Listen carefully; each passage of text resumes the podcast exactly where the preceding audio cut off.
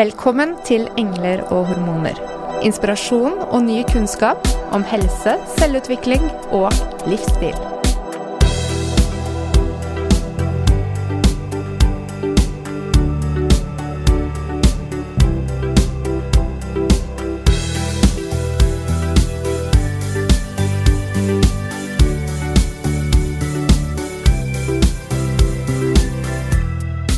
At utholdenhetstrening er viktig, er noe de fleste vet.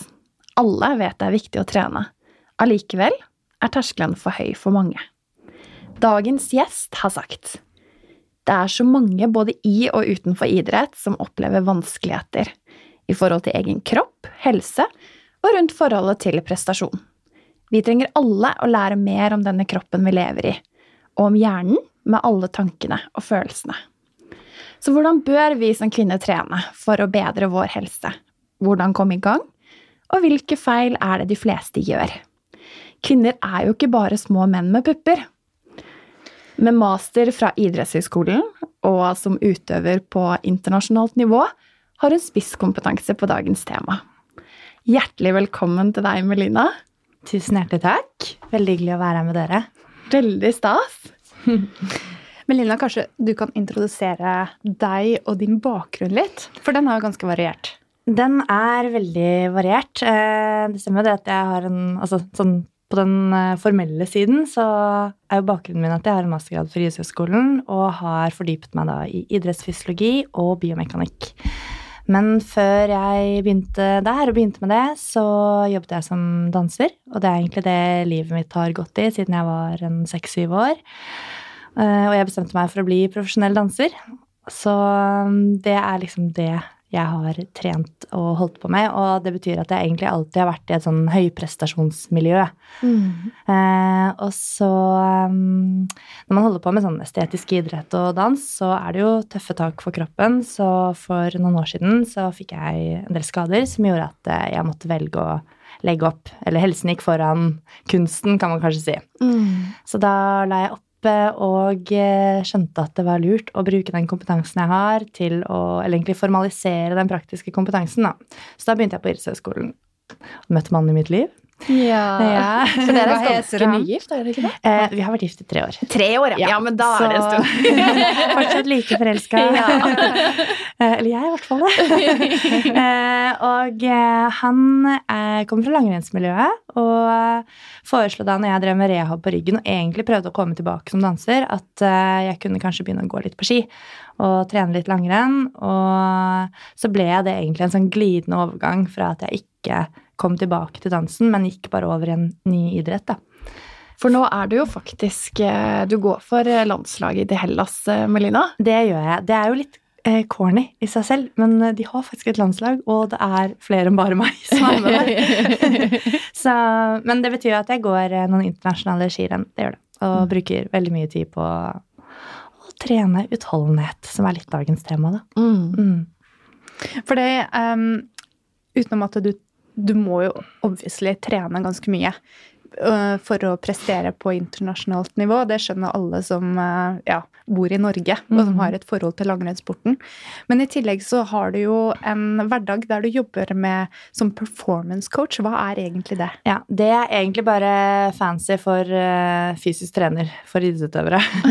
Eh, men performance, altså det kan være så mangt, så uansett hvem jeg jobber med, så handler det om som egentlig all mulig personlig trening å ivareta hele mennesket, men mye av det, den jobben jeg gjør, er kanskje mer prestasjonsrettet enn enn da jeg begynte å jobbe som PT liksom tidlig i trenerkarrieren, kan man si. Mm. så jeg switcher mellom å trene alt fra pasienter som skal rehabiliteres fra et eller annet, eh, eller eh, til eh, helt vanlig mann i gata til en toppidrettsutøver. Det kan liksom være en variasjon i løpet av dagen, da. Men, mm. men det er, primært så er det det å være fysisk trener for, for de som eh, skal prestere i et eller annet. Mm, på en, en høyere eller lavere nivå. Ja, ikke sant? Ja. Det kan være de såkalte supermosjonistene også. Mm. Så, det, så jeg jobber eh, ganske mye med det, og så jobber jeg også som idrettsfysiolog. Det er jo det som jeg er, er idrettsfysiolog, og jobber da i et eh, laboratorium med å gjennomføre fysiske og fysiologiske tester på folk, da. Står i en lab og maser på folk om å presse seg. Ikke sant? Mm. Så hvis du har litt eh, grums, så er det bare å pushe de litt ekstra hardt, så får du det utløp for deg. Eller kanskje det skjer gjennom trening, Gunnar. Ja, forhåpentligvis gjennom treningen. mm. Eh, Jeg skal sitere deg selv, jeg, Melina. Ja. Igjen. Du jobber med grensesnittet mellom fysisk prestasjonsevne og helse, og det er to ting som ikke alltid samstemmer. Mm. Kan du utdype litt eh, hva du legger i det? Ja, det, det å jobbe prestasjonsrettet når du jobber eh, innenfor idrett, eh, det kan være både på breddeidrettsnivå, men også helt opp mot toppidrett og eliteidrett, så, så kommer du på en måte til et punkt med den fysiske treningen av kroppen, og kanskje også hva det koster mentalt, som ikke alltid nødvendigvis er helt forenlig eller ensbetydende med god helse. Eh, og det er sikkert eh, mange som har lest i media også og hørt uttalelser om at toppidrett det er ikke sunt. Eh, og det er jo en sannhet med visse modifikasjoner. Eh, man prøver jo alltid å ivareta utøverens helse, og helse skal eh, alltid gå først. Det er i hvert fall liksom den norske modellen, da. Eh, tuftet på. Men, eh, men det, er, det er ikke til å stikke under en stol at det er eh, eh, Det er jo en stor påkjenning for kroppen, og man prøver alltid eh, å trene utøverne på et nivå eller på en sånn måte at de utvikler seg mest mulig. Og det er jo ofte ganske sånn hårfint under der man f.eks. skader seg eller ja. Så det er, eh, det er en, en tricky balansegang, eh, og det er derfor det kanskje krever eh, spisskompetanse eller dypere kompetanse å jobbe med akkurat de personene som har som jobb å trene. Mm. Og har også et forventningspress om å prestere, da. Ja, fordi de balanserer jo ofte da akkurat på den grensen som du Mm. snakker om, fordi denne optimale prestasjonen og optimale restitusjonen Mm. og intensiteten og alle disse parameterne som skal stemme overens.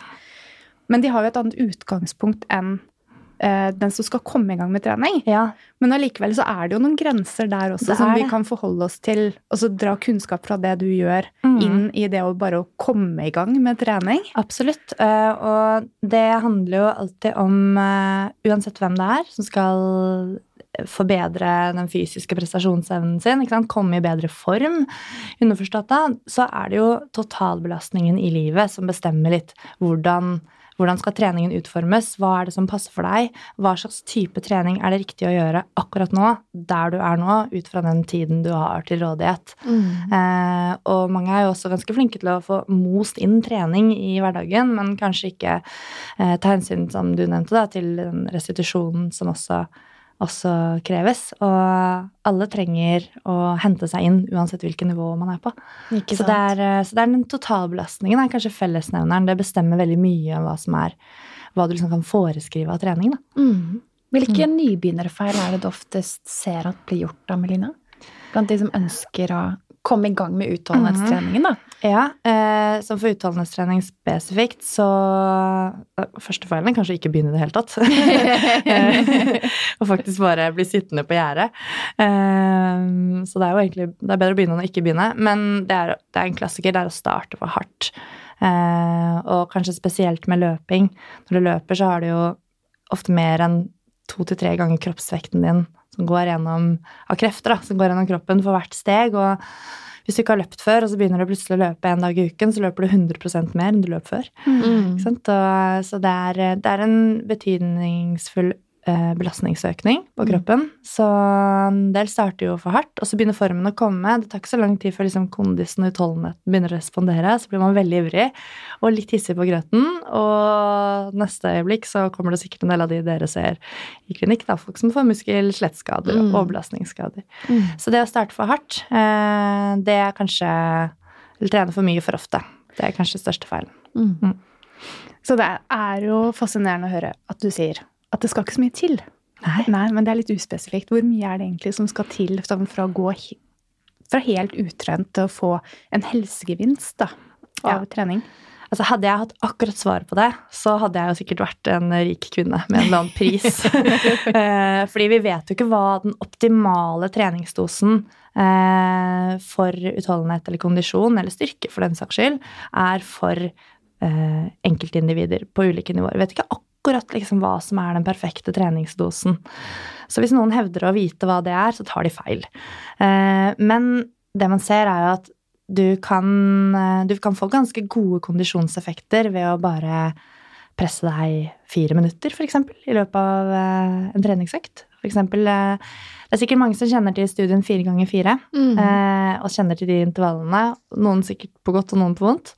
Eh, og det fins også vitenskapelige dokumentasjoner eller studier som viser at du kan trene fire ganger ett minutt og få tilnærmet like god effekt på kondisjonen som man fikk da å trene Fire fire ganger fire. Ikke sant? Som kanskje ikke er like skremmende som eh, fire ganger Nei, fire. Det å liksom skulle ta i ett minutt det er nok overkommelig for veldig mange. Mm. Um, men alt av fysisk aktivitet teller selvfølgelig positivt for helsen. Men når det gjelder å spesifikt øke liksom, parameteren kondisjon, eh, så, så bør, man, eh, bør man presse seg litt.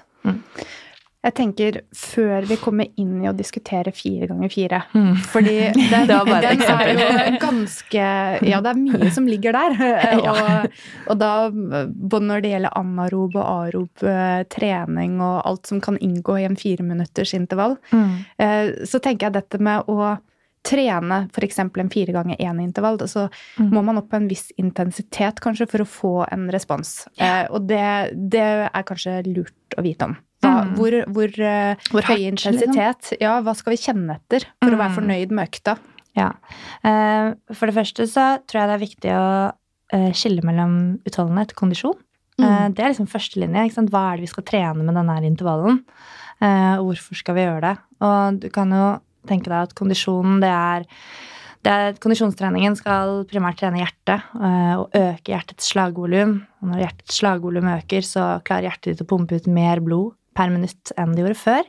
Så du får et sterkere hjerte, og hvilepulsen din kommer til å bli lavere, og du har fått masse positive helseeffekter. Det er bare noen av de, da. Hvilepulsen blir lavere. Og det kan man Eh, måle som et parameter på å få bedre kondisjon. Ja, det kan man. Eh, Det er jo et eh, superbillig og kjapt og enkelt mål. Eh, Da måler du hvilepulsen gjerne på morgenen med en gang du har våknet. Det som er lurt å gjøre, er jo å måle i løpet av et, noen, eller over noen dager. Kanskje å måle over tre-fire dager. Fordi hjerterytmen vår styres jo av det autonome nervesystemet. Det du ikke liksom viljestyrer. Sånn at hvor stresset du er, eller hvor lite eller mye du har sovet, hva du trente i går, altså de tingene der vil påvirke hvilepulsen. Så det er lurt å kanskje måle i løpet av en tre dager og ta et gjennomsnitt, f.eks. Um, så kondisjonstreningen, den, det er jo en uh, Ofte så er det intervalltrening som uh, foreskrives, og det er fordi da kan du klare å gjøre et veldig stort arbeid per tid. Uh, men du trenger ikke holde på så lenge. Og det er det som er så fint med å trene intervaller, og det er kanskje noe av det mest effektive du kan gjøre for kondisjonen. Men for utholdenheten så trenger du ikke ta i så hardt. Uh, utholdenhet det handler mer om evnen til å motstå tretthet, evnen til å holde ut over tid. Og utholdenhet det er ikke bare liksom hvor lenge du kan jogge. Det er det mange forbinder det med. Ikke sant? Så hvor lenge må jeg jogge for å få god utholdenhet? Men uh, utholdenhet det handler både om hva kroppen din kan klare å holde ut eh, i forhold til ja, over tid, da. Men det handler også om det kognitive. Eh, utholdenhet handler ikke bare om selve det fysiske, men også det å trene seg på å orke å holde ut lenger. Så det er en sånn toleranse som du øver opp ved annet ved fysisk trening, da. Og så er det jo det også som eh, vi har kommet inn på flere ganger i podkasten, og som også du er interessert i og opptatt av, Melina. Det at det faktisk er et paradoks at kvinner knapt blir forsket på verken innen medisin, idrettsmedisin eller i treningsfysiologien. Mm. Og eh, jeg har jo hørt gjennom podkastepisodene deres og kost meg veldig med de. Og eh, i en av episodene så var det jo oppe dette med at eh, kvinner f.eks. har helt andre symptomer på et hjerteinfarkt, og også det andre hjerte-karsykdommer enn det menn har. Eh, og eh, det å ha god kondisjon, det er eh, en veldig god forsikring, en god livsforsikring i forhold til å forebygge hjerte-karsykdommer. Og kvinner dør jo mest av hjerte-karsykdommer. Mm. Så når vi vet at eh, kvinner dør mest av hjerte-karsykdommer, så blir det desto viktigere, mener jeg, for kvinner å ha fokus på å trene hjertet og trene kondisjon. Mm. Eh, samtidig så vet vi jo ikke nok om hvordan kvinnekroppen responderer på fysisk trening i det hele tatt, om det er styrke eller kondisjon eller, eller hva det er. Så kvinner er underrepresentert i den medisinske forskningen, men også i, spesielt innenfor eh, den idrettsmedisinske når det gjelder prestasjon. Mm. Det er noe jeg får masse spørsmål om av kvinnelige idrettsutøvere og, og aktive jenter som liker å trene. Hva forskjellige ting har å si for prestasjonen. Men i noen oversiktsanalyser jeg har sett, så er det bare jeg tror det var en oversiktsanalyse hvor det var nesten 1800 studier som var tatt med, og bare 3% av de eh, så på kvinner og prestasjon. Ikke sant? Så da er det enda lavere enn innenfor medisin generelt sett, da. er mye, mye lavere. Mm. Det er interessant. Vi prøvde faktisk å gjøre et søk uh, på PubMed nå før Ja, du kom. ja. Uh, oppdatere oss litt. Og det var veldig gamle referanser. Og det lille som var gjort Ja. på utholdenhetstrening og kvinner, det Mm. var nærmest ingenting.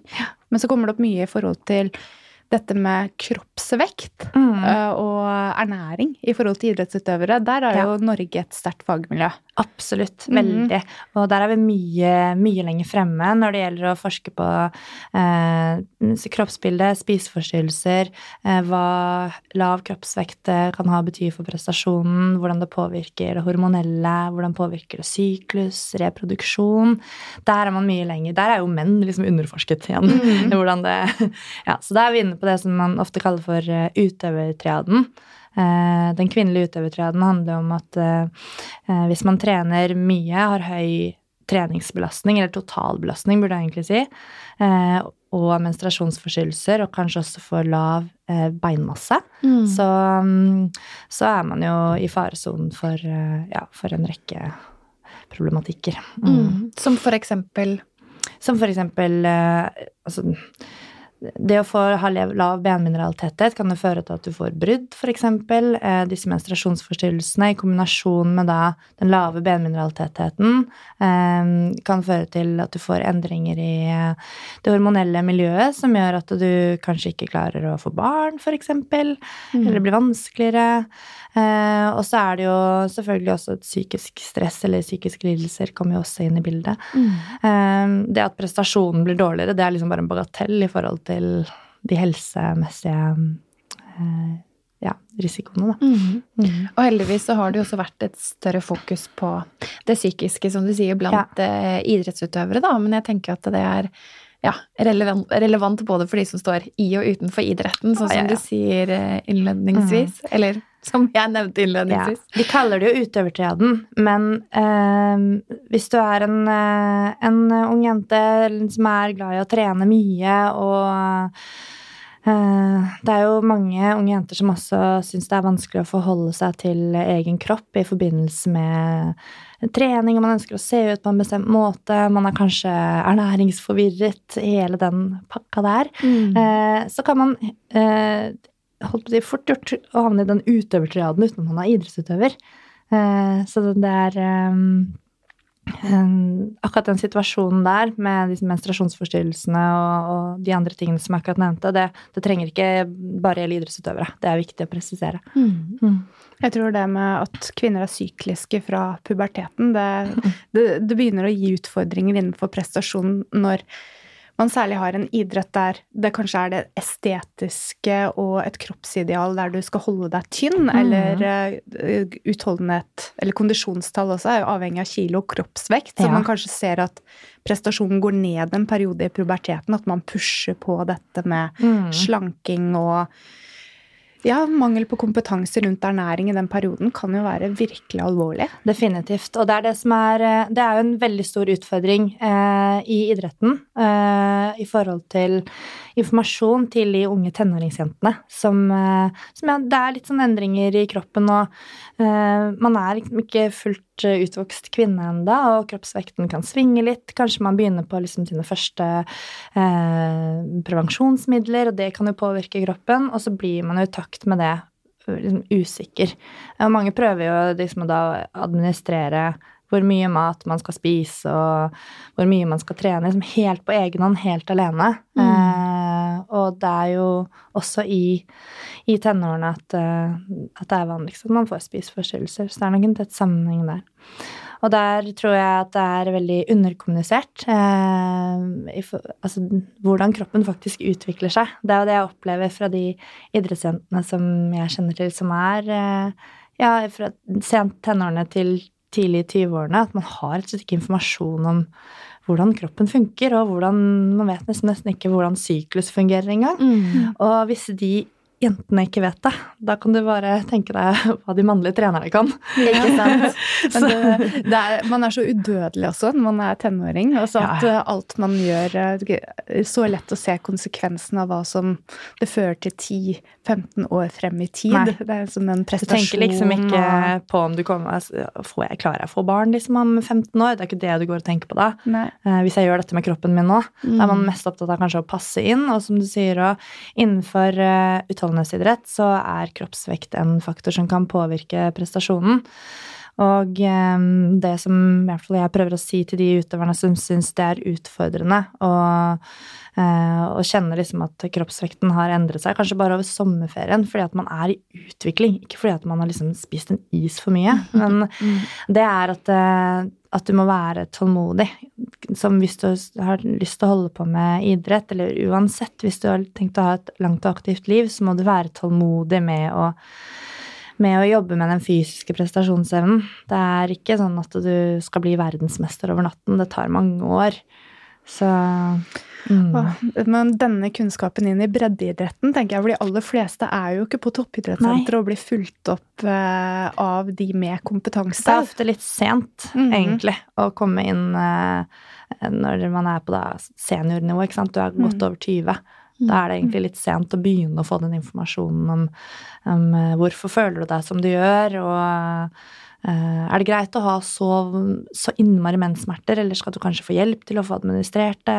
Masse, sånn, masse ting rundt eh, menstruasjon, syklus og utvikling som, eh, som det burde være mye mer informasjon om. Da. Og da tror jeg det hjelper bare med sånn som det her, da, åpenhet, og bare mm. snakke om det. Liksom tørre å si mensen. Ikke liksom være redd for å snakke om det. Eller som du Eh. sa, ikke være redd for å si PCOS. Nei, ikke sant? Ja. For eksempel. For der, Mhm. eh, der fikk du mye respons. Der fikk jeg veldig litt mye respons. hva som skjedde? Ja. Um, jeg eh, fant det ut for eh, noen år siden Nei, år siden, sier jeg. Hm, typ ett år siden. Eh, at eh, jeg har PCOS, PCOS, som er polycystisk ovariesyndrom. Eh, og det, er veldig kort fortalt, så har man da mange små syster på eggstokkene. Eller på folliklene. Og istedenfor at eggstokkene liksom klarer å konsentrere seg om å fikse ett egg og slippe det, så blir det mange små egg. Så den styrer liksom litt med å få til normal mensen, da. Mm. Eh, Så det er en kort fortalt eh, hva det handler om. Og så er det jo en, det er et metabo, en slags en metabolsk sykdom, kan man nesten si. Um, og så hadde jeg gått og tenkt på om jeg skulle liksom Skal jeg si det til noen, eller liksom sånn eh, Ja, jeg har ikke liksom snakket så veldig mye om det med de nærmeste, men uh, så begynte jeg å få mye spørsmål om um, trening og kvinnehelse i forbindelse med at jeg lagde en Insta-story om kvinnehelse og prestasjon. Da tenkte jeg nei, nå må jeg bare hoppe i det, og slang ut en Instagram-post om at uh, jeg har PCOS, og liksom håper at det kan bidra til mer åpenhet, fordi at altså, jeg hadde jo ingen informasjon om det selv, og jeg jobber jo innenfor idrettsfysiologi, og, og har bakgrunn innenfor idrettsmedisin òg, så det er litt sånn eh, så jeg, Hvis ikke jeg vet noe om det, så er det sikkert mange der ute som heller ikke vet noe om det, og spesielt i forbindelse med trening, da. Mm. Og så er det jo sånn at det er én av fem jenter som har PCOS. Det er ganske mange. Mm. Ja. Så du når jo da ut til veldig mange jenter med den informasjonen som, Mm. du, som du sprer. Og det som var litt skremmende, var jo at um, jeg fikk jo mye feedback på uh, både det innlegget og den storyen. Og da uh, Det som en del skrev inn, var jo at de hadde eh, vært i kontakt med legen og ikke fikk noe informasjon. og noen hadde også fått påvist at ja, hun hadde PCOS, men legen sa bare 'kom tilbake når du vil bli gravid'. Eh, og hun skjønte liksom ikke ja, er dette alvorlig, eller ja, hva skjer da hvis jeg vil bli gravid? Liksom, det var ingen, ingen informasjon å få i det hele tatt. Um, og eh, det er også mange som har PCOS uten å ha noen symptomer i det hele tatt, og det er jo sånn det var for meg. Ganske, de symptomene du kan lese om i litteraturen, er at man er sterkt overvektig, kanskje har litt ekstra med kroppshår, liksom sånne ting. Og når du er helt symptomfri, da, eh, så er jo ikke det noe du bekymrer deg for i det hele tatt. Og da får man ikke avdekket det med mindre man får en gynekologisk undersøkelse og legen tar en anamnese da, eller spør deg ut. Eller Mm. gynekologen gjør det. Så hvorfor er det Mm. viktig å vite om man har PCOS, og få Hva slags informasjon er det disse jentene bør ha? Eh, jeg tenker jo først og fremst eh, eh, så bør man jo få informasjon om at eh, det er ikke liksom det, det går som regel fint eh, hvis du har lyst til å starte familie og få barn. Eh, Men man må ofte bare ha litt hjelp til å sette i gang mensen. Veldig mange bekymrer seg jo for at mensen ikke kommer. ikke sant? Mm. Man vil ha mensen tolv ganger i året og lurer på om det er farlig, eller Så kanskje først og fremst liksom roe ned litt grann Mm. på akkurat det der. Det er ikke noe problem å ha mensen én gang i året. Det er litt mer problematisk hvis du har tenkt å bli gravid. Mm. Så da må man bare gå til en, eh, en lege, bli henvist til gynekolog og få hjelp til å få satt i gang mensen. Eh, Så det er veldig, veldig god hjelp å få. Det er egentlig det man trenger informasjon om. Eh, Og at det er, det er ikke noe farlig. Eh, Og hvis du eksempel, hvis jeg som har PCOS, PCOS, PCOS får en datter for eksempel, så er det ikke gitt at hun kommer til å få det. Det er ikke sterkt arvelig. Det er mange sånne ting som tydeligvis folk går rundt og bekymrer seg for, da, som mm. egentlig ikke er så big deal. Mm. Um, så jeg tror liksom egentlig mer å få informasjon for å slippe å gå rundt og stresse. Mm. Det høres jo litt skummelt ut med PCOS, men vi har også mange pasienter med PCOS som har blitt gravide, og som Ja, det har gått sant? veldig bra. Til Ja. og med flere ganger. Ja. Mm. Og det er litt morsomt òg, for det er jo veldig mange som jeg kjenner som uh, sendte meg meldinger og bare 'Jeg har PCOS', og liksom har både ett og to og tre barn, og liksom Så det går jo det, Og det er veldig sånn fint for meg å se òg, da, at ja, det går jo veldig bra med folk som har dette her. Ja, ja. Det er, uh, det er ikke så problematisk. Men det som jeg tror kanskje flest uh, Eller som jeg opplever at flest bekymrer seg for, det er um, eh, det at mensen ikke kommer, da. Mm. Um, så Og når jeg eh, Jeg hadde jo tenkt å bli gravid i fjor. Uh, og så sluttet jeg på prevensjon, og så kom liksom bare aldri mensen. Mm. Uh, og når du da som ung, eller relativt ung, idrettsaktiv, slank kvinne går til eh, legen eh, og lurer på hvorfor du ikke har mensen, så jo, tenker jo alle liksom at du trener for mye, og du har eh, for lav kroppsvekt og, og de tingene der. Mange opplever jo å bli, spesielt innenfor idretten, da, bli litt sånn stigmatisert, og ikke, at man ikke får ordentlig utredning heller. Mm. Fordi at man tror at det er en sånn utøvertriade-case. Um, så det var det første jeg opplevde. Men så gikk jeg, til en, gikk tilbake til min egen fastlege, som er veldig flink. Uh, og hun sa at nei, men vi sender deg jo bare videre til, uh, til gynekologen, og så undersøker hun litt, og så ser, får vi utelukket det. Og, Mm. um, og ja, så det er veldig sånn bruke helsevesenet godt, og hvis du ikke får eh, støtte og oppfølging fra legen, bytt lege. Helt enig. Mm. Hvis eh, du får en kommentar om at 'dette må du regne med som kvinne', eller Å, det er ikke greit. 'gå absolutt opp eller ned i vekt', konkret uten noen undersøkelser, Mm. bytt lege. Bytt lege. Ja. Mm. Så, men PCOS det er bare et eksempel på en sånn typisk sånn kvinnesykdom, kvinnelidelse, som det er veldig lite informasjon rundt. Det er også mange andre, andre temaer eh, som, eh, som jeg i hvert fall tenker at det er viktig å, å spre informasjon om. Så, men så er jo det at det er, jeg har jo hjerte for hjerte eh, Mhm. som fysiolog, og eh, man ser jo det at eh, å starte med fysisk aktivitet eh, hvis man har PCO, PCOS, eh, det kan faktisk hjelpe på dannelsen av disse cystene. Fordi ved å drive med fysisk trening så reduserer man eh, utslippene, eller produksjonen, blir det riktig å si, av eh, et stoff som heter eh, TNF-alfa. Tumor nekrosisfaktor alfa. Det er litt Mhm. teknisk. Men det Og når du demper, får dempet da den produksjonen av TNF-alfa, eh, som er med på å lage disse cystene, så tror man det at da blir det kanskje mindre av de. Mm. Eh, og det kan være positivt for tilstanden. Mm. Og det er jo veldig, det er ganske lite forskning på det her, men det er i hvert fall noe som peker på det. Så det er ganske interessant. Så kvinner som har PCOS, blir jo anbefalt å være fysisk aktive og trene. Mm. Mm. Veldig viktig å vite. Og heia mer forskning på det området. Mm. Og andre sykliske forstyrrelser. Kan Ja. jeg kaste inn det? For det Ja. er jo absolutt viktig å bli utredet hvis man har enten for mye eller for lite eller for Mhm. vondt eller Ja. ingenting eh, av syklus. Det, Å kjenne syklusen sin, det er mm. eh, power zone for kvinner. Mm. Og så er det jo mange Og jeg har jo liksom trodd og tenkt det selv lenge også, at mensen det er på en måte bare og syklus noe som bare foregår der nede hvor eggstokkene er. Men hjernen bestemmer jo veldig mye. Det er jo signaler som sendes ut fra eh, hypofysen, og det skal være en sånn hormonell eh, finstemt balanse for at syklusen skal være helt eh, regelmessig. Mm. Eh, og hvis den er veldig uregelmessig, så, så er det mange ting som en spesialist kan hjelpe til med å undersøke. Så jeg, jeg tror det er viktig, som du sier, å ikke bare liksom ta til takke med at ting liksom ikke føles helt greit bare fordi du er kvinne og litt mer kompleks enn mann. Mm. Jeg tror vi kan si at vi er det. Tror vi kan eh, skrive under det, ja. Ja. Eh, og eh, du har jo også fått en del spørsmål om dette her med ulike prevensjonsmidler og trening, og hvordan det Mm, påvirker. ja. Ja. Eh, Det er jo ikke noe som jeg skal uttale meg så altfor bastant om, eh, for jeg er jo ikke en lege. Eh, Det er forskjell på å være lege og fysiolog.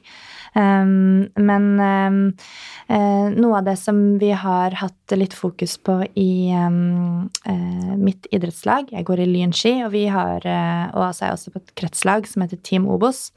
Og vi har et samarbeid med en veldig dyktig idrettslege som heter Katja Mjøsund. Hun sitter også i IOC, blant annet, og jobber også i Antidoping Norge.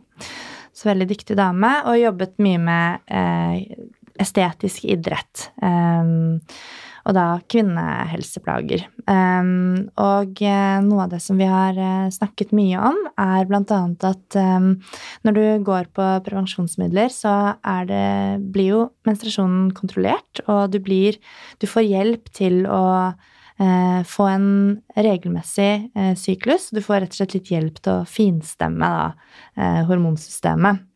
Sånn syklus blir regelmessig. Men med veldig mange prevensjonsmidler, sånn som eh, p-piller og minipiller, så får man jo en mellomblødning. Men det er på en måte ikke ekte mensen. Nei. Eh, og da, så lenge man har, er på et prevensjonsmiddel, så vet man jo ikke helt om man har regelmessig menstruasjon eller ikke. Mm. Og det var det jeg selv også opplevde, så det var veldig interessant å lære. Jeg Mm. trodde jo alt kom på klokka omtrent, Mm. men eh, Tok siste pilla på brettet, og så kom mensen hver gang. Magisk. Ja, ikke sant? Helt magisk. Og jeg tenkte at det er jo bare kroppen min som gjør men det er det pillene som styrer. Mm. Så, um, så uh, hvis uh, så for, for å vite om man har en helt regelmessig syklus, så, så må man jo gå av prevensjonsmiddel. Og da, det som er viktig å vite da, er at det kan ta ganske lang tid før den kommer tilbake. Og det er helt normalt. Det er ikke unormalt at det tar opp mot et år før mensen kommer tilbake. Men hvis det går lengre tid, så bør man jo gå og bli undersøkt, da. Mm. Um, men der tenker jeg at det er viktig i forhold til eh, Og det er jo kanskje spesielt for disse idrettsjentene da, som trener veldig mye og driver med utholdenhetsidrett, at, um, uh, at man, man har en viss kontroll på om man har regelmessig menstruasjon eller ikke. Spesielt hvis man har gått eh, ned i vekt. For da kan det jo komme ofte menstruasjonsforstyrrelser i forbindelse med det. Men anbefaler du å gå litt av prevensjon en periode, da, for å sjekke syklus? Eller? Jeg kan jo egentlig ikke det. Eh, og eh, som ikke-lege eh, kan jeg absolutt ikke si det. Så det, det er veldig kontekstavhengig. Mm. Men, men jeg tenker at har man såkalte røde flagg, hvis man har en, en eh, pasient eller en utøver, kunde, måtte være, som, eh, som har eh, høy totalbelastning, har gått ned, mye ned i vekt, og hvis jeg har en såkalt ikke-fungerende utøver, begynner å underprestere også, så må man jo egentlig begynne å se på mange faktorer. Da. Hva er det som gjør at, at ting er sånn som det er nå? Og da er jo et av spørsmålene man stiller utøverne sine, er har du regelmessig menstruasjon. Og hvis man da går på piller, så kan det godt være at man opplever at man har det. Og så må man ta en, en medisinsk vurdering med legen om man skal gå av piller eller andre prevensjonsmidler da, for å undersøke om man har regelmessig menstruasjon. Mm. Men det er mange, mange som eh, mister menstruasjonen, eh, som driver med utholdenhetsidrett. Eh, og ikke bare fordi altså man kan miste menstruasjonen selv om man har stabil kroppsvekt, men det er eh, mye stress på kroppen. Mm. Så stress er en sterk Stress er en kjempesterk faktor, Mhm. eh, ikke sant? Og ref dette her med at mensen styres av hjernen. Mhm. Eh, Så er ikke det så rart egentlig å tenke seg at hvis man er veldig stresset, så gjør det også noe med, med frigjøring av hormoner fra hjernen som skal hjelpe til med å stimulere til at man får menstruasjon. Så hva er det du gjør da med Melina for restitusjon? Jeg har sett noen yogabilder, blant annet. Jeg prøver å yoge litt. Yoge litt. Litt hjemme på stuegulvet og gå på en yogatime innimellom. Nei, jeg er jo egentlig ikke sånn supergod på restitusjon, fordi jeg jobber jo kjempemasse. Mm. Uh, og det er uh, Så det er jo som du nevnte, ja, du må jo trene veldig mye. Uh, jeg trener nok kanskje mindre enn veldig mange av de jeg konkurrerer mot, men jeg jobber veldig mye. Mm. Så, så for å, det beste restitusjonen som jeg virkelig prøver å tilrettelegge for, er å sove nok. Nemlig. Og søvn er den billigste og enkleste prestasjonsfremmeren du finner. Eh, det, er liksom, det er søvn eller kaffe. Det er gode prestasjonsfremmende midler. Ikke i kombinasjon. Nei, eh, alt til sin tid. Ja, så faktisk å sove, sove nok og sove mye, det er noe av det beste du kan gjøre, tror jeg. Og jeg har hatt sånn søvnprosjekt med meg selv. Prøve å få ti timer søvn hadde jeg en periode. Ah. Jeg leste en studie som, hvor man hadde undersøkt eh, basketspillere på college-nivå. Og undersøkt eh, hvordan treffsikkerheten deres fra trepoengslinjen, det er liksom den som er Mm. lengst ut på basketbanen, hvordan den var med da syv og en halv time søvn, eller åtte timer, eller ti timer. Eh, og da presterte de som normalt når de sov eh, eh, åtte timer. Eh, når de sov mindre, så var de mindre treffsikre, men når de sov mer, så hadde de s- 20 fremgang på prestasjonen. Tenkte jeg, Det var veldig kraftfullt, så da jeg, prøvde jeg å sove ti timer hver dag en periode. Jeg satte faktisk ganske mange løpeperser den perioden. Wow, så det hadde effekt på utholdenheten Det også? hadde effekt på prestasjonsevnen, fordi du får overskudd. Mm -hmm. Så da orker du å presse deg selv mer, for du er jo mentalt på. Du er ikke kognitivt sliten heller. Mm. Og du hadde, hadde muskulært overskudd i kroppen, så da, da gikk jo treningen bra. Og når det da startnummer kom på brystet, så gikk det også veldig bra. Mm. Og det, det, en parallell du kan trekke, det er jo over til det kognitive. Det, skal du ha en viktig eksamen, sov Mm. godt. ikke sant? Investere i søvn, så lærer du bedre, og du husker bedre, og kroppen er eh, Du får bedre utholdenhet, eh, både fysisk og psykisk. Av å sove, og det fremmer helsen din. Og det gjør jo også utholdenhetstreningen. Ja. Så nå har vi snakket ganske mye om disse veldig flinke jentene. Så er det ikke alle som er like flinke. Og så er det ikke Alle alle, er som er like. Alle er flinke. Ja. Ja. Men for å komme seg i gang, da Ja. denne, Det er så mange terskler Mm. um, for å starte opp. Og kanskje litt med dette med utholdenhetstrening. Det virker så komplisert. Og den er superenkel. Det er så mange parametere å forholde seg til. Hvordan vet jeg puls og anarob terskel og makspuls? At jeg gjør nok? Og hvilke utstyr trenger jeg? Og Mm. terskelen blir så høy. Ja, For det første så vet ikke hjertet ditt om du danser eller løper eller hva du holder på med, så du kan egentlig gjøre hva du vil så lenge du får opp pulsen hvis kondisjonen skal bli bedre. Um, så det viktigste er at du gjør et eller annet hvor du har store dynamiske bevegelser som du gjentar. Eh, Så det er en viss liksom, rytme og visse sånn sykliske bevegelser. Eh, Og at du holder på en stund. Eh, Og så skal jeg si litt mer presist om akkurat det, da. Men du kan jo gjøre en sirkeltrening, eh, eller du kan løpe, eller du kan sykle, eller du må liksom bare gjøre noe med store muskelgrupper, sånn at oksygenetterspørselen kommer opp. For da går pulsen opp, og da, må hjertet, da får hjertet sin styrketrening. Um, Og det er da å pumpe blodet ut i kroppen Ja. raskere, som er pulsen vår. Mm. Så når eh, oksygenetterspørselen øker, så må hjertet pumpe både kraftigere, men også raskere eh, for å levere nok mengde med oksygenrikt blod til de musklene som spør etter oksygen. Og det er et poeng Du spør, sa ikke sant, hvor, hva slags puls skal jeg ligge på, eller hvilken intensitet skal det være. Hvis du skal ha absolutt mest bang for your buck, liksom, mest, mest igjen for innsatsen, så bør du øve deg på å trene på rundt 90% av makspuls. Eh, og det er viktig å presisere at du trenger ikke ta i alt du kan. For 90% er faktisk ikke maks. Mm. Det er 90% Du skal si liksom et lite ja i bakhodet. Mm. Eh, Selv om du puster mye og syns du holder på veldig hardt. Må vi Eh, da ta en makspulstest for å trene, vite at vi trener effektivt? For å vite at du trener eh, mest mulig effektivt, så er svaret ja.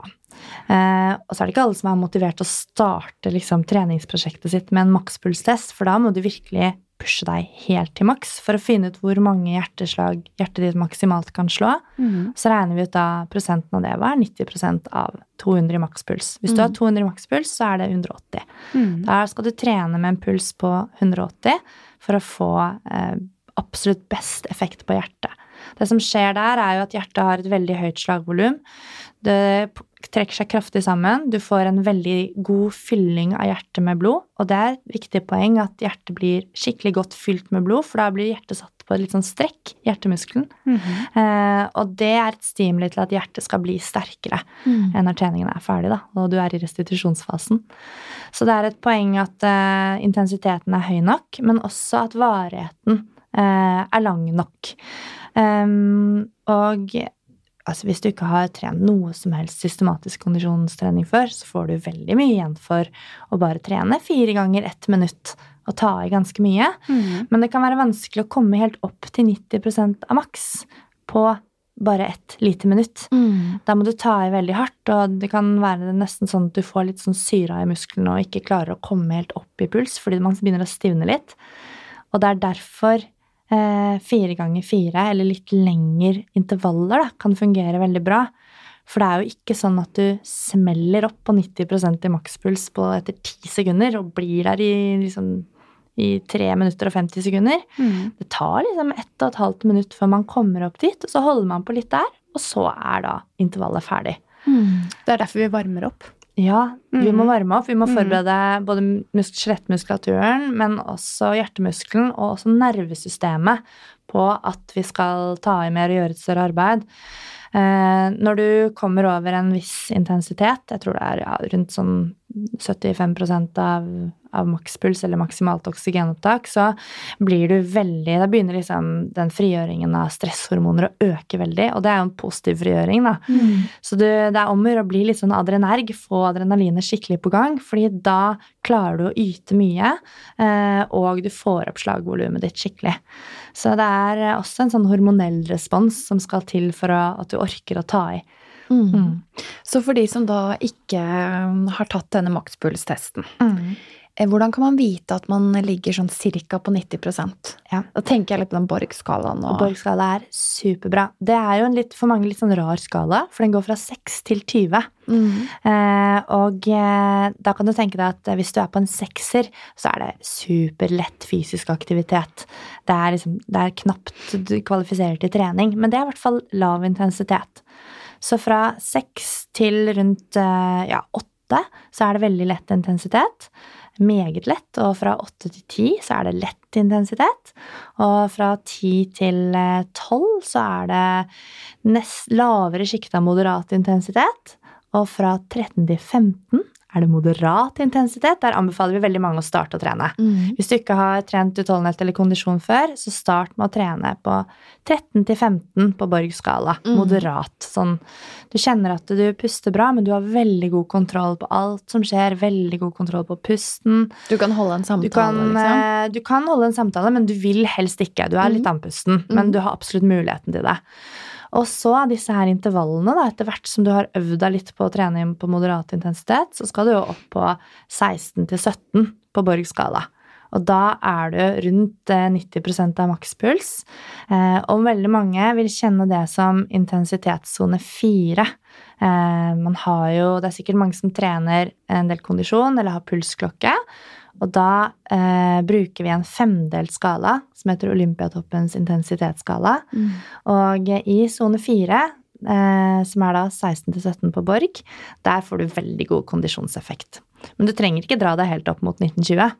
Det, du ikke, det er ingen som driver og trener på makspuls. Nei, Det er det Hvordan ikke. kjennes det ut når du er på den riktige effektiviteten da? Ja. Hva er det vi skal kjenne etter i kroppen? Eh, for det første så er det krevende å holde bevegelsen i gang. så du må konsentrere deg eh, eh, hele tiden. Og det er eh, Du skal kjenne at du, du kan si enstavelsesord eller en setning, men du vil absolutt helst ikke. Det handler om å få inn oksygen og konsentrere deg om å puste. Uh, og et råd jeg ofte gir til de som er nybegynnere innenfor den type hjertetreninga der, mm. det er å, å, kjenne at du har kontroll på pusten. At du klarer å holde en rytme. Det hjelper veldig mange. Um, og det er hjertet som er den største begrensningen for å få god kondisjon. Hvis du har god kondisjon, så får du lavere dødelighet, og du mm. beskytter deg mot veldig mange sykdommer. Så det er veldig mange gode bevis og argumenter for å trene seg opp til å kunne klare å trene på den der 90 mm. mm. Jeg er litt interessert i den hormonelle responsen, for du, mm. du snakker jo om eh, det som kommer som hjelper deg i gang. Og, ja. så, og så, har vi hørt om treningsnarkomani. Mm. så at man blir så ruset på denne følelsen du får har du noen god forklaring på hva som skjer der? Altså, jeg kan jo ikke i detalj liksom, alle mekanismene bak det. Men når du, eh, når du, trener, sånn som jeg begynte å si i sted, så får du jo på en måte en efflux. Du får et utslipp av eh, stresshormoner. Det kan være adrenalin og noradrenalin, blant annet. Og er, da blir du jo satt i en sånn fight or flight-respons med kroppen. ikke sant? Nå skal det ytes. Og det er jo egentlig en respons som ble satt i gang for at vi skal kunne berge oss fra farer. Uh, way back in the day. Mm. Så er det jo sånn at den treningsøkta den kommer til å slutte en eller annen gang. Heldigvis. Uh, så treningsstress er jo et positivt stress. Du blir jo i bedre form av å påføre kroppen det stresset. Så slutter treningsøkten, eh, og da kommer det jo en dopaminrespons. Så da får du jo en, uh, Da begynner liksom denne tilfredsstillelsen å synke inn. Um, og akkurat den følelsen der er det jo lett å bli hekta på. Mm. Dopaminrespons kan vi jo få av veldig mange ting i omgivelsene våre. Noen får det av å shoppe, noen får det av å få likes på Instagram. Uh, og det kommer unektelig hver eneste gang du har gjort en treningsøkt, og spesielt hvis du har hatt høy puls. Og etter den der, liksom dopamin, når dopamin er på sitt høyeste, så kommer de litt mer sånn roligere lykkehormonene med serotonin og GABA, og du begynner å føle deg eh, Du er ikke så høy lenger, men du er fortsatt veldig tilfredsstilt. Og de følelsene der er jo utrolig deilige. Mm. Så man kan bli litt sånn hekta på det. Og spesielt med utholdenhetsidrett. Mange som blir litt sånn junkies. Eh, og da kan det virke mot sin hensikt at jeg sitter og oppfordrer folk til å holde på med det, men det fins jo liksom grenser. Eh, det å få supergod kondisjon og veldig god helse trenger du bare holde på med det to ganger i uka. Mm. Ikke hver dag. Um, men jeg, jeg, har kjent på det selv også. At um, i perioder, spesielt på sommeren, hvor man som langrennsløper trener ganske mye, at du blir litt sånn du blir veldig rastløs og har, er dårlig til å ha hviledag. Uh, mm. At det sitter liksom langt inne å ta den hviledagen. Mm. uh, selv om du vet at kroppen har fryktelig, fryktelig godt av det. Så, så, jeg kan godt kjenne Jeg har kjent på det selv, at det, mm. det er litt sånn litt farlig. Eh, og mange bruker det derfor også som en ikke sant, sånn der egenterapi, men da mener jeg litt sånn i negativ forstand. At eh, det er godt å trene og få de der hormonresponsene for å slippe å kjenne på sine egne følelser. Jeg er overbevist om at mm. det er veldig mange som bruker det på den måten. Mm. Så, så, det med å drive med utholdenhetstrening, gjør du det med riktig dose eh, for deg og din livssituasjon, så er det veldig helsebringende. Og man bruker det også nå mer og mer i behandlingen av eh, depresjon, ADHD, angst, eh, fordi at det har en veldig positiv effekt på hjernen. Nettopp med bakgrunn i disse hormonelle responsene. Mm. Eh, men da gjøres det på et kontrollert nivå, da. Så det skal liksom ikke ta helt av og være noe du føler at du er tvunget til hver dag for å få det dopaminkicket. Mm. Mm. Vi er jo alle på en måte varianter av psykiatri av og til. Ja. Så, så, det er greit å huske på det at en tur ut det kan faktisk hjelpe på humøret. Ja, det er veldig sånn norsk. sånn Gå seg en tur, da føler man seg bedre. Men det hjelper. Mm. Mm. Så må det kanskje litt mer til i den søndagsturen da, som man er veldig flink til å ta. Ja, og hvis man spør nordmenn hva de liker å trene best, eller hva, de velger, hva er førstevalget av fysisk aktivitet, så er det å gå tur. Mm. Det er det nordmenn velger. Det er ikke zumba eller uh, eller yoga eller uh, vektløfting. Det er å gå seg en tur. Og neste er liksom jogge seg en tur. Uh, men jeg skulle jo ønske at de fleste liksom valgte å kanskje pushe seg litt mer mm. eh, enn å gå seg en tur, fordi det har så kraftfulle effekter. Og du har faktisk råd til å sitte mer på rumpa eh, hvis du har god kondisjon. så har du en stillesittende jobb, så bør du absolutt trene deg opp til eh, å presse deg litt to ganger i uken. Mm. Klare ord fra idrettsfysiologen eh, til venstre her, eh, Mona. Ja, men uh, det er ikke tvil om det at det er bra. Men det er denne motivasjonen da, Mm. uh, som, som er så viktig å kunne hente frem, og Ja. bare for å komme i gang. Mm. En, eh, en ting som jeg tror er viktig der, er at man får gjøre det på sitt nivå. Mm. Eh, og det er det jeg opplever også i undervisning når jeg underviser eh, personlige trenerstudenter. Vi skal ha liksom den store praktiske utholdenhetsdagen. Søren, det er mange som gruer, til, gruer seg til den dagen. Eh, og dette er folk som er genuint interessert i trening, og kanskje noen jobber med trening allerede, og til og med de gruer seg til å ha den utholdenhetstreningen med meg, da. Eh, og jeg er ikke så skummel, jeg heller. men, men det er fordi at man, eh, man har kanskje dårlige minner fra gymtimen, Cooper-test på ungdomsskolen var helt jævlig, ikke sant. Eh, og at man aldri egentlig fikk lov til å gjøre det på sitt nivå. Eh, og spesielt hvis man opplevde at man var dårligere enn de andre i klassen, så setter det også veldig spor. Så, så jeg syns det er helt greit at hvis du starter og ikke har trent intervallet før, det er lenge siden, start litt rolig. Jeg syns det er helt greit å være i komfortsonen et par uker. Og det, den komfortsonen den kommer til å flytte seg automatisk hvis du bare holder treningsfrekvensen i gang. Mm. Du trener opp toleransen din for den slitenheten, så det blir mentalt lettere. Eh, fordi at kroppen din kommer til å oppleve at 'Å ja, men jeg døde ikke av dette'. Mm. Jeg overlevde denne gangen også. Mm. Eh, det gikk bra med den fight or flight-responsen. Mm. Eh, og da trener du opp toleransen for, for å presse deg. Så eh, det viktigste rådet jeg kan gi, er at man har en viss kontinuitet. At det er det viktigste. Og rett og slett holde i gang. Så vil den intensiteten og den toleransen, den vil øke etter hvert. Eh, og den øker også i takt med, med at kondisjonen blir bedre, bare ved at man gjør det over tid. Mm. Mm. Det tenker jeg er veldig viktige, veldig viktige faktorer. Mm. Så er det noen som syns at eh, ja, Hvordan kan man gjøre utholdenhetstreningen mer spennende, da? ja. jeg er litt sånn Det er jo veldig enkelt. Altså, det er, du trenger et par joggesko, liksom, og Ja. så trenger du et sted å løpe. Det er kjempeenkelt. Og jeg tror eh, Det er jo veldig mange som sier eh, jeg kan ikke løpe, og løping er ikke for meg. Men menneskekroppen er designet for å løpe. Alle kan på et eller annet nivå eh, løpe. Jeg sier ikke at alle må det. Og jeg eh, prøver å ikke pushe løping på alle, selv om jeg liker det selv. Men du kan jo gå i motbakke. Eller være på ellipsen. Men eh, løping er veldig enkelt. Eh, og det er enkle, ukomplekse bevegelser som skal til hvis du skal få pulsen.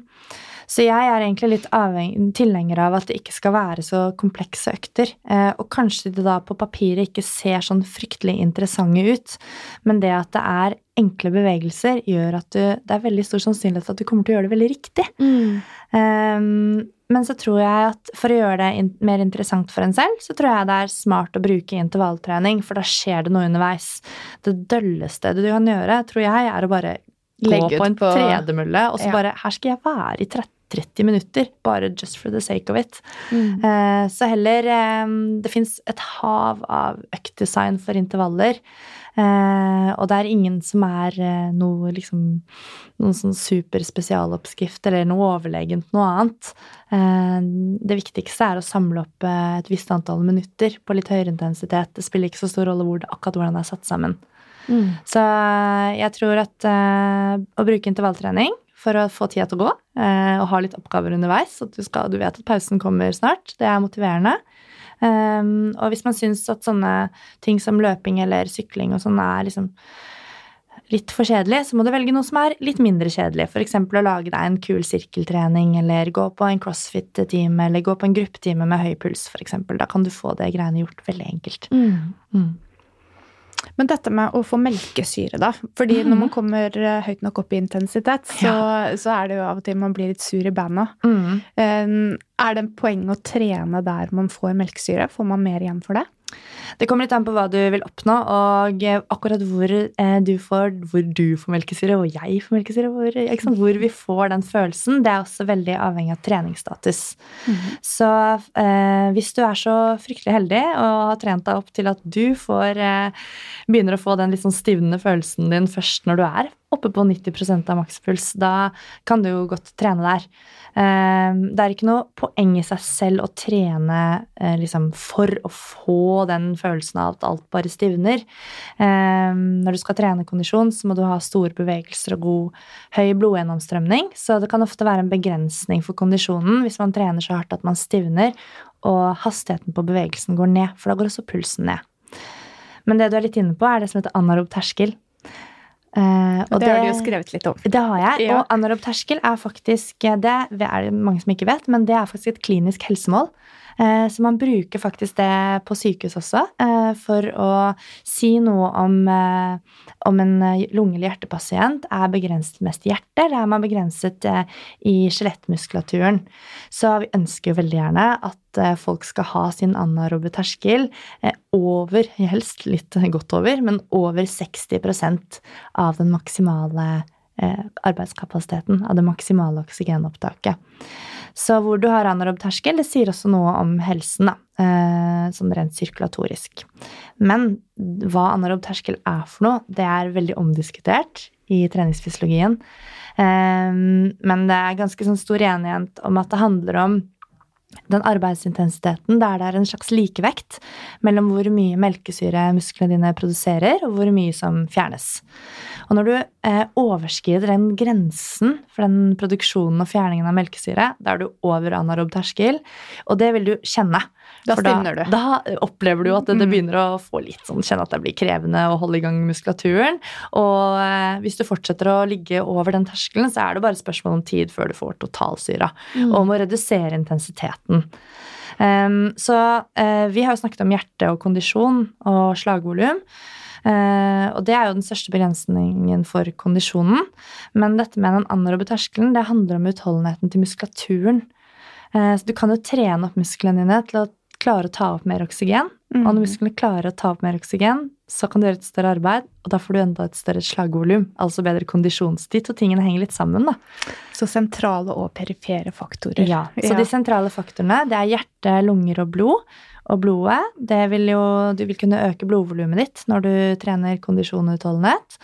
Eh, og du kan også øke hemoglobininnholdet i blodet. Det er jo nyttig for å få transportert mer oksygen, som mm. transporteres med hemoglobinet. Og så kan det øke hjertets slagvolum. Men så er det, disse, det nytter jo ikke liksom å bare få pumpet ut masse oksygenrikt blod hvis ikke musklene som blir tilbudt blodet, klarer å ta imot alt oksygenet. Så når du trener utholdenhet, eh, og når du trener spesifikt rundt den anarobe terskelen, så får du noen tilpasninger i musklene dine som, eh, hvor du bl.a. får flere eh, kapillærer, de tynneste, fineste blodårene. Får, det er akkurat som å få flere bensinslanger mm. som kan levere oksygen til mm. musklene. Og du får også flere enzymer i musklene som kan være med på å få omdanningen av oksygen til eh, kjemisk energi til å gå kjappere, sånn at du holder igjen bevegelsene dine. Um, og du får også flere av disse små um, energifabrikkene som heter mitokondrier i muskelcellene dine. Så det er mange sånne ting som skjer på mikronivå da, um, i muskelcellene når du trener utholdenhet. Og det der er med på å forbedre den metabolske helsen. Så det kan også være Altså forbrenningen vår. Ja, ja. forbrenningen. Mm. Uh, uh, så det er uh, viktig for helsen også å mm. ha liksom, en mulighet til å ta imot en god del oksygen. Da. Mm. Men jeg tenker på de som har utfordringer med sirkulasjonssystemet. Noen er jo syke. Mm. Og f.eks. diabetes, så kan man få liksom nedsatt sirkulasjon perifert. Mm. Er det også trenbart, sånn at man opparbeider bedre sirkulasjon hos ja. den pasientgruppen også? Ja, det gjør du. Eh, og ikke bare det. Eh, du får jo en bedre sirkulasjonskapasitet fordi du får et større Når du får flere av disse kapillærene, tynne, fine blodårer, så får du et større område for diffusjon. Dvs. Si at eh, gasser avfallsstoffer kan gå inn og ut av celler, så vi kan få energi inn og avfallsstoffer ut, og transporten av alle stoffene i kroppen går lettere. Eh, og det er jo åpenbart viktig for eh, å opprettholde eller forbedre den kapasiteten hos de som blir liksom perifert begrenset, da, som du Mm. sier. I tillegg så får man jo en eh, økt insulinsensitivitet av å eh, drive med fysisk trening. Uansett om det er styrke eller kondisjon eller hva det er.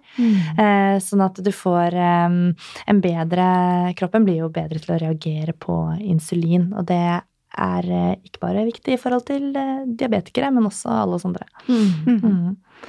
Så, men i forhold til eh, den anaerobe terskelen, den, eh, den følelsen der, da Hvis du vil ha bedre utholdenhet, så kan du selvfølgelig trene rolig og holde på lenge. Eller du kan eh, sant, erstatte en én times rolig joggetur med kanskje en 20 minutters trening, 15-20 minutters trening rundt anaerob terskel.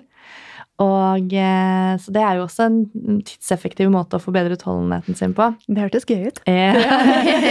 så, Og litt vondt ut.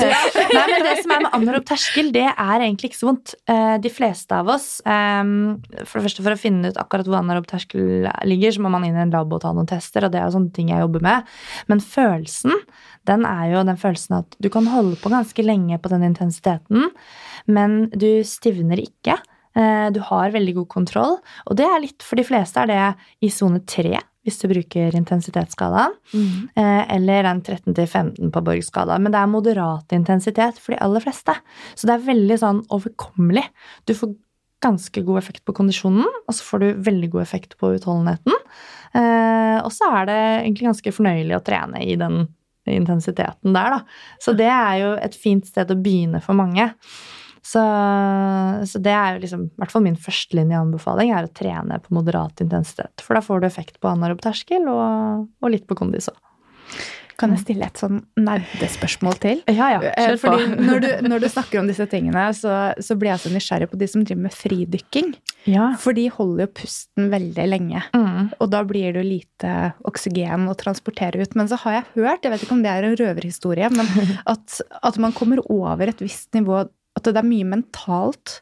Det at man egentlig har mer oksygen i blodet enn det, enn det man utnytter, slik at man kan holde på lenger enn det man tror. Ja, du, du er jo egentlig inne på litt, to litt forskjellige ting der, da. Men, eh, men, eh, men det går fint. Eh, For du har en, du har en overkapasitet med oksygen eh, i kroppen din. Så når du puster inn, så puster du inn sant, luft som er oksygenrik, og så skal den luften transporteres eh, fra lungene over i blodstrømmen. Og lungene har ikke noen begrensning for hvor mye for kondisjonen eller for utholdenheten. Som du sier, hvor lenge man kan holde på. Hvis du har friske lunger, så er det ikke noe begrensende. Det er ikke sånn vi driver og trener lungene. Eh, og da blir jo blodet mettet med oksygen. Og så blir jo det transportert rundt i kroppen til alt mulig rart som trenger oksygen, av organer og muskler som spør etter oksygen og sånn. Men det er jo ikke sånn at blodet blir tømt fullstendig for oksygen etter at det har sirkulert. Det er en sånn overkapasitet der. Ehm, sånn at um, uh, Så det betyr jo at i, i teorien så har du egentlig liksom mer mulighet enn det det kanskje føles ut som. Eh, I forhold til det med fridykking, så, så jeg, jeg kan ikke så mye om det, men jeg har jo liksom lest lite grann, fordi man kommer ofte inn i det som heter eh, hypoksemi. Det handler om liksom at kroppen skal arbeide uten oksygen til stede når man holder på med idrettsfysiologi. Eh, og eh, det som man gjør når man skal fridykke, er jo å gjøre forberedelser sånn at hjerterytmen senkes veldig. For når hjertefrekvensen stiger, så koster det jo energi. Eh, så man må jo liksom prøve å gjøre lite arbeid for å holde lenge på det, for å få brukt eller få fordelt oksygenet du har i kroppen over lang tid. Så det er jo noe som de gjør med liksom, pusteforberedelser og meditasjon og for å senke hjerterytmen veldig. Um, så ja, så det er jo liksom Men så bruker de jo musklene, så det er vel melkesyreproduksjon da også? Ja. Og det med laktat, da, eller melkesyre Mm. Du har alltid melkesyre i kroppen. Mm. Vi har jo det akkurat nå. Og melkesyre er eh, ikke negativt, det er positivt. Eh, melkesyre har litt sånn ufortjent dårlig rykte. Mm. Eh, fordi at det er det vi forbinder med den der sviende følelsen, og det som er ubehagelig når du Mm. trener.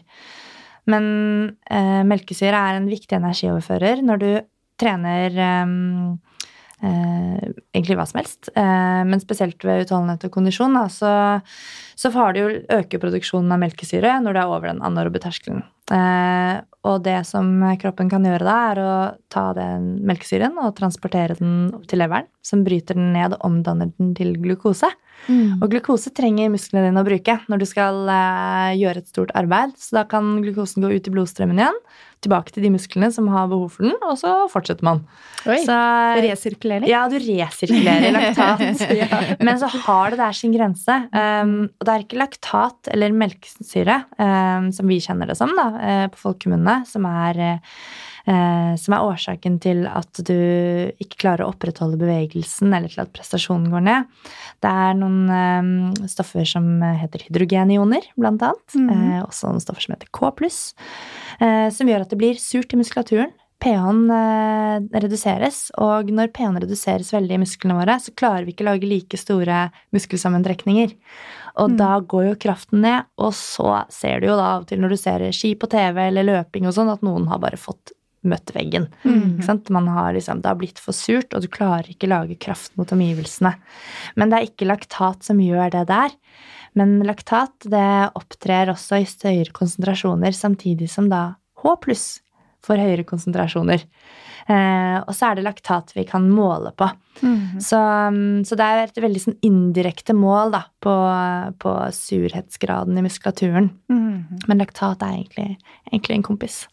Mm. Godt å vite. Ja. Altså, jeg liker veldig godt uh, når jeg skal kose meg i gang med trening, som jeg sier. ja, ja, Å bruke, bruke fartsleik med musikk på øret. det er kjempegøy. Så ja. det, jeg slår et slag for den intervalltreningen. Er det Mhm. innafor? Ja, fartslekk. der har du jo liksom eh, litt mer sånn spontane økninger og reduksjoner av farten. Hvis du er ute på en løpetur, så kanskje man eh, bruker terrenget som du har tilgjengelig også. Kanskje kjøre på litt ekstra en motbakke over toppen, og så ror du kanskje litt ned. og eh, det, det er som det ligger i ordet, du leker rett og slett litt med farten. Det er knallfine økter. Da får du også litt forskjellige eh, muskulære utfordringer på veien. Eh, og det er jo, apropos det du spurte om i sted, hvordan kan vi gjøre det mer spennende og interessant, Mm. fartslek er jo absolutt en, en, fin, eh, en fin økt, da. Og det kan du jo gjøre også på, på en tredemølle eller på en sykkel eller mm. Men for å runde av litt sånn hormonelt, da, Melina. Ja. Eh, syklusen vår, har den betydning for prestasjonsevne?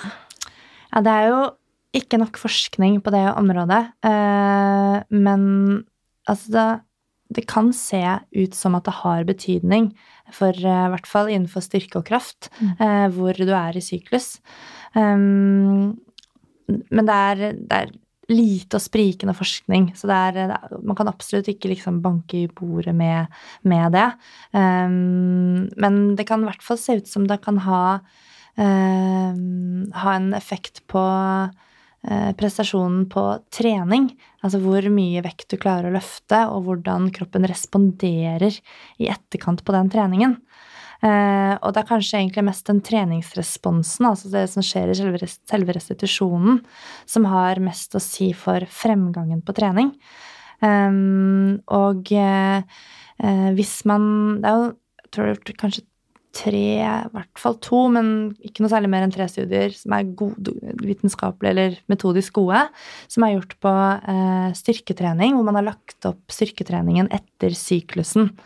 Eh, og da så man at når man planla treningen eh, i takt med syklusen, så fikk de eh, forsøkspersonene fikk styrkeøkninger, eller signifikant bedre styrkeøkninger eh, sammenlignet med de som ikke planla treningen etter syklus. Mm. Så, så sånn sett, når du da tar treningen over tid, så vil du jo kunne kanskje øke prestasjonsevnen din mer, da, hvis du eh, legger opp treningen eh, etter syklusen.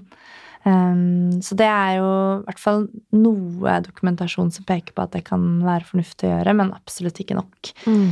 Men mensen i seg selv, eller syklusen sånn isolert sett, skal ikke ha noen sånn negativ effekt på prestasjonen. Så hvis man nå sitter hjemme og tenker sånn Søren, jeg skal gå skirenn om en uke, og da er det rett for mensen, så kommer det til å liksom telle dårlig ut. Det ville jeg ikke bekymret meg noe for. Eh, Men i forhold til treningsadaptasjon, tilpasning til trening, så, så tror jeg det kan ha betydning.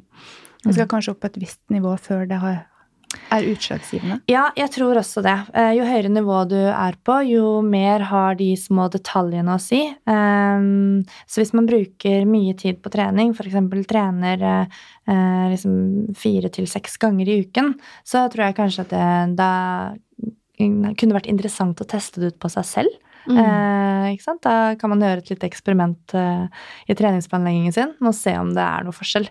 Eh, hvis man legger opp kanskje da spesifikt styrketreningen eh, etter syklus. For Mm. det har litt med når er vi kvinner mer anabole, og når er vi mer katabole. Mm. Mm.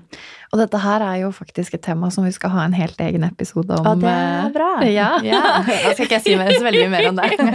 Mm. Vi har i hvert fall fått en hel haug med inspirasjon i dag, og ikke minst eh, gode grunner til enten å sette i gang med utholdenhetstreningen eller bare fortsette med den, Mm. hvis man uh, gjør det.